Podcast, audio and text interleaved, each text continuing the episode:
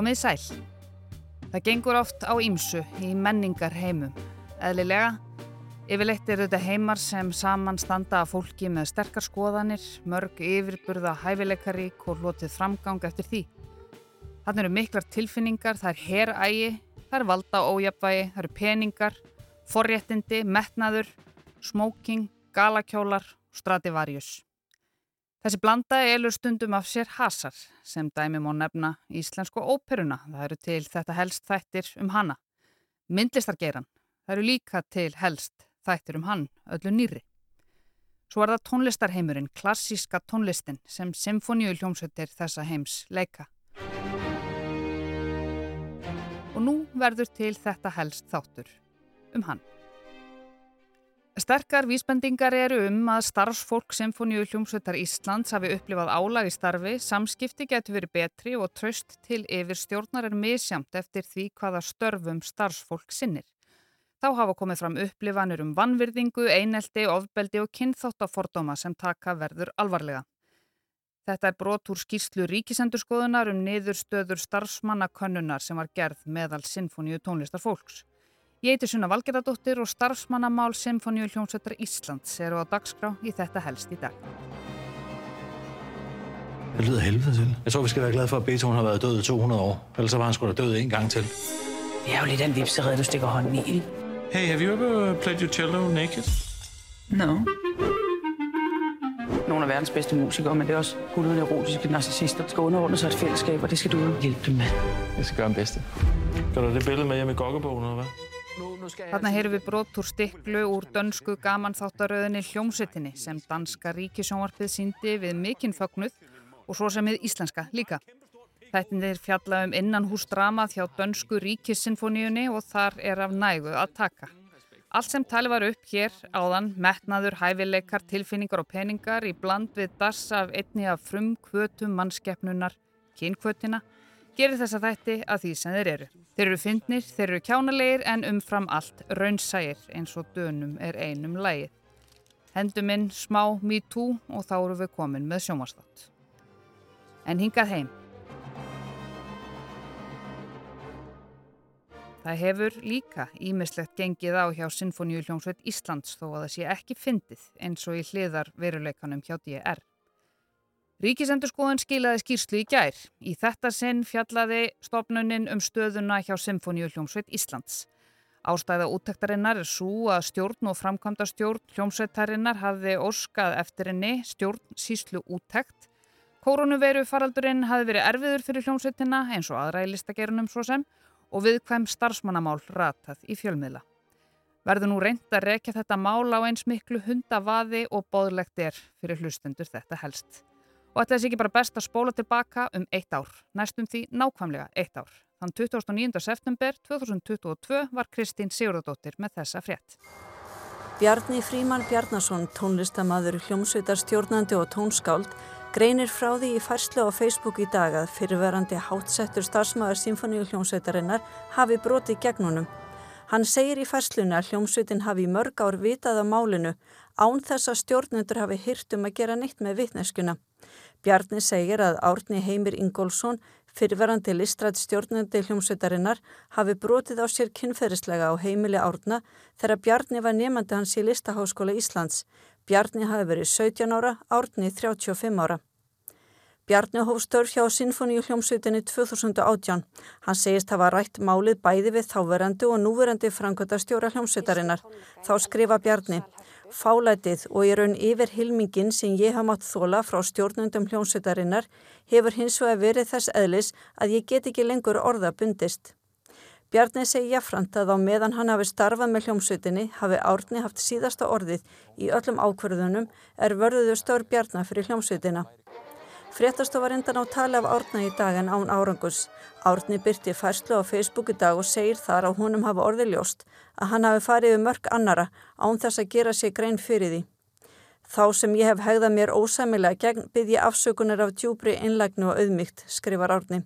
Kvorki stjórnaforman ég frangöndastjóri Sinfoníu hljómsveitarinnar vildu veita fréttastofu viðtalum máli í dag.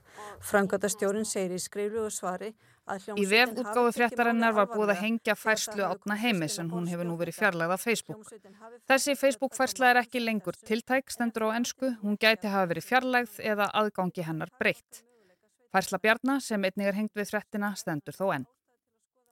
Átni Heimir Ingólfsson er eitt fremsti tónlistarfræðingur landsins og hefur hann hlotið fjölda viðurkenninga og veluna. Hann er fættur 1973, hann er þrælmentaður með gráður frá Harvard og Oberlin tónlistarháskólanum. Hann hefur kent við Listaháskóla Íslands, hann hefur verið tónlistarstjóri og listrætt ráðgjafi Sinfoníu hljómsveitar Íslands og kynnt íslenska tónlistarsögu víða um heim.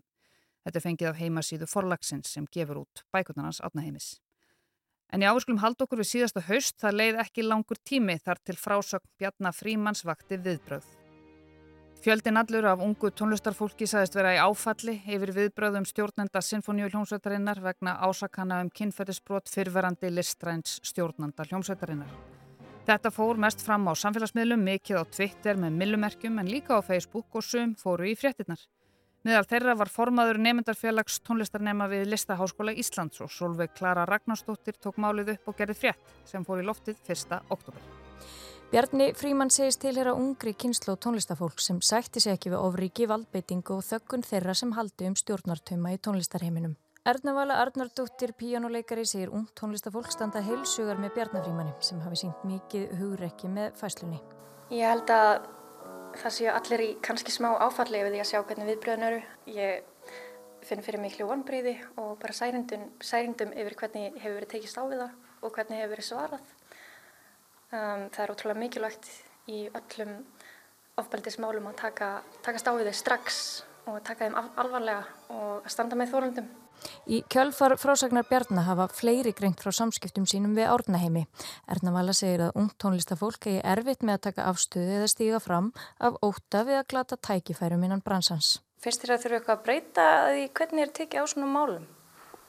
Alveg klárlega og ég held að það veki líka upp mikið óryggi hjá ungu tónlistafólki í dag sem er stefna á að vinna hjá Sinfoni Hljómsið Íslands sem er stærsti starfsvettvangur fyrir klassika tónlist á landinu og staðurinn sem að flest fólk, eða mjög margt fólk er búið að vera stefna á í langan tíma og þegar maður sér að svona er tekið á svona alvarlegu og mikilvægu málumni þá er það eða bara reikalegt. Óttast þú það að þú sett bara tjá því núna með þetta mál að það hafi áhrif á tekifæri þín í fremtíðinni? Algjörlega, það er mjög ókveikjandi. Katrín Ottsdóttir lögfræðingur var svo í endarstöðunni á rás 1 þar sem hún létt sig málið varða.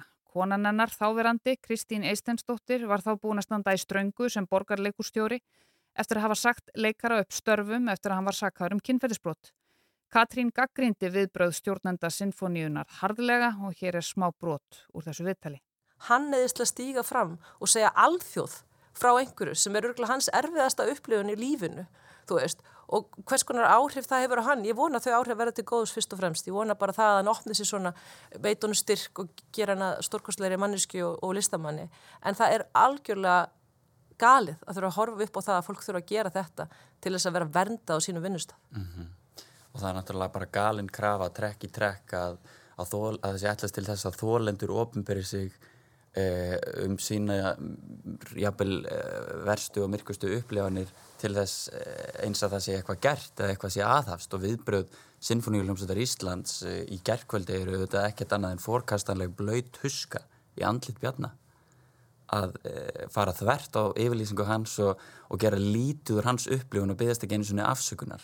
Mér finnst það bara algjörlega fyrir neðan allar hellur, sérstaklega þegar umræðir eina merkustu menningarstofnun og burðar ás í íslensku menningarlífi í fjárlögum eh, ríkissjóðs og svo framvegs þá bara þarf einfallega árið 2022 að gera betur í þessum málum.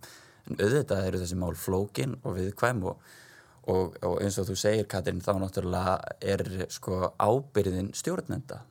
Þeir þurfa að axla ábyrð og taka erfiðar ákvarðanir og standa með þeim. Mm -hmm.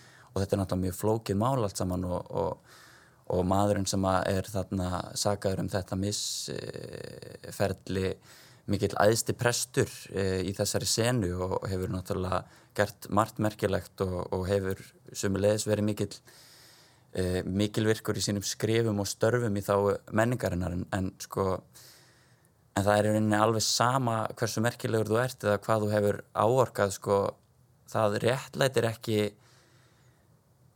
slíka framkomu í garð bjarna að mínum dómi vegna þess að það er náttúrulega líka algjörlega álíka sko mikilvirkur og merkur listamör Bjarni Fríman Bjarnason er eh, eitt stórmerkasta tónlistar undur Ísland sögunar sko, ég ætla nú ekki að fara tíundu það nákvæmlega. Þarna heyrðum við Katrínu Ottsdóttur og sömulegis Magnúsi Jóhanni, tónlistarmanni í endastöðinni á rás 1 fyrir tæpu ári síðan.